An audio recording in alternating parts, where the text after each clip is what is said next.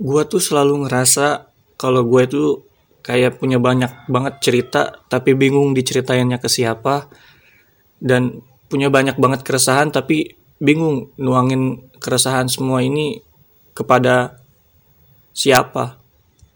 Dan melalui wadah ini gue berharap gue bisa menuangkan itu semua melalui podcast dan narasi gue so buat calon pendengar dan pendengar. Enjoy. Dan semoga kalian suka ya. Kalaupun gak suka juga gak apa-apa.